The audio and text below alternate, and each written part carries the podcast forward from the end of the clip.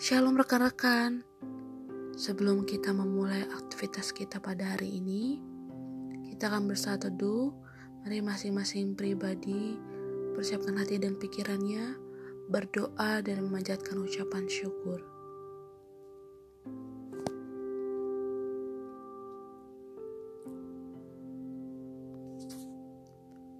Amin. Firman Tuhan bagi kita pada hari ini, Senin 26 April 2021, dari kitab Mazmur pasal 126 ayat 1 sampai 6. Begini firman Tuhan. Pengharapan di tengah-tengah penderitaan. Nyanyian ziarah. Ketika Tuhan memulihkan keadaan Sion, keadaan kita seperti orang-orang yang bermimpi. Pada waktu itu mulut kita penuh dengan tertawa, dan lidah kita dengan sorak-sorai. Pada waktu itu berkatalah orang di antara bangsa-bangsa, Tuhan telah melakukan perkara-perkara kepada orang-orang ini. Tuhan telah melakukan perkara besar kepada kita, maka kita bersuka cita. Pulihkanlah keadaan kami ya Tuhan, seperti memulihkan batang air kering di tanah Negeb Orang-orang yang menabur dengan mencucurkan air mata akan menuai dengan bersorak-sorai. Orang yang men berjalan menuju dengan tangis, orang yang berjalan maju dengan menangis sambil menabur benih, pasti pulang dengan sorak-sorai sambil membawa berkas-berkasnya.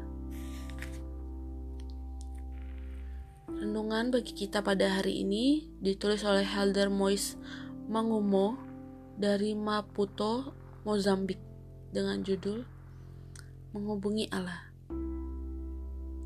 Ketika kami mengucapkan salam perpisahan kepada saudariku di bandara, kami sama sekali tak punya bayangan mengenai kesulitan yang akan ia hadapi.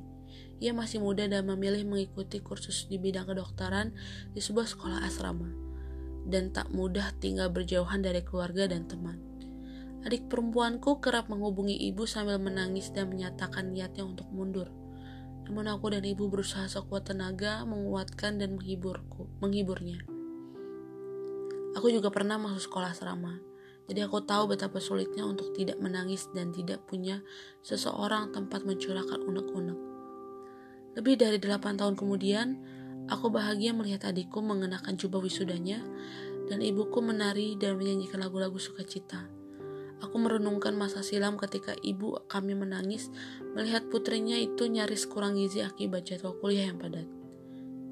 Terkadang ketika kita menghadapi kesulitan, kita merasa bahwa segenap hidup kita begitu berat.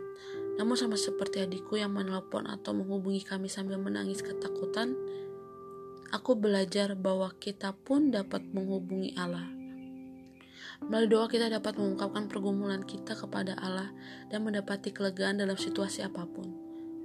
Apa pun kesulitan yang kita hadapi, Allah senantiasa menggenggam tangan kita.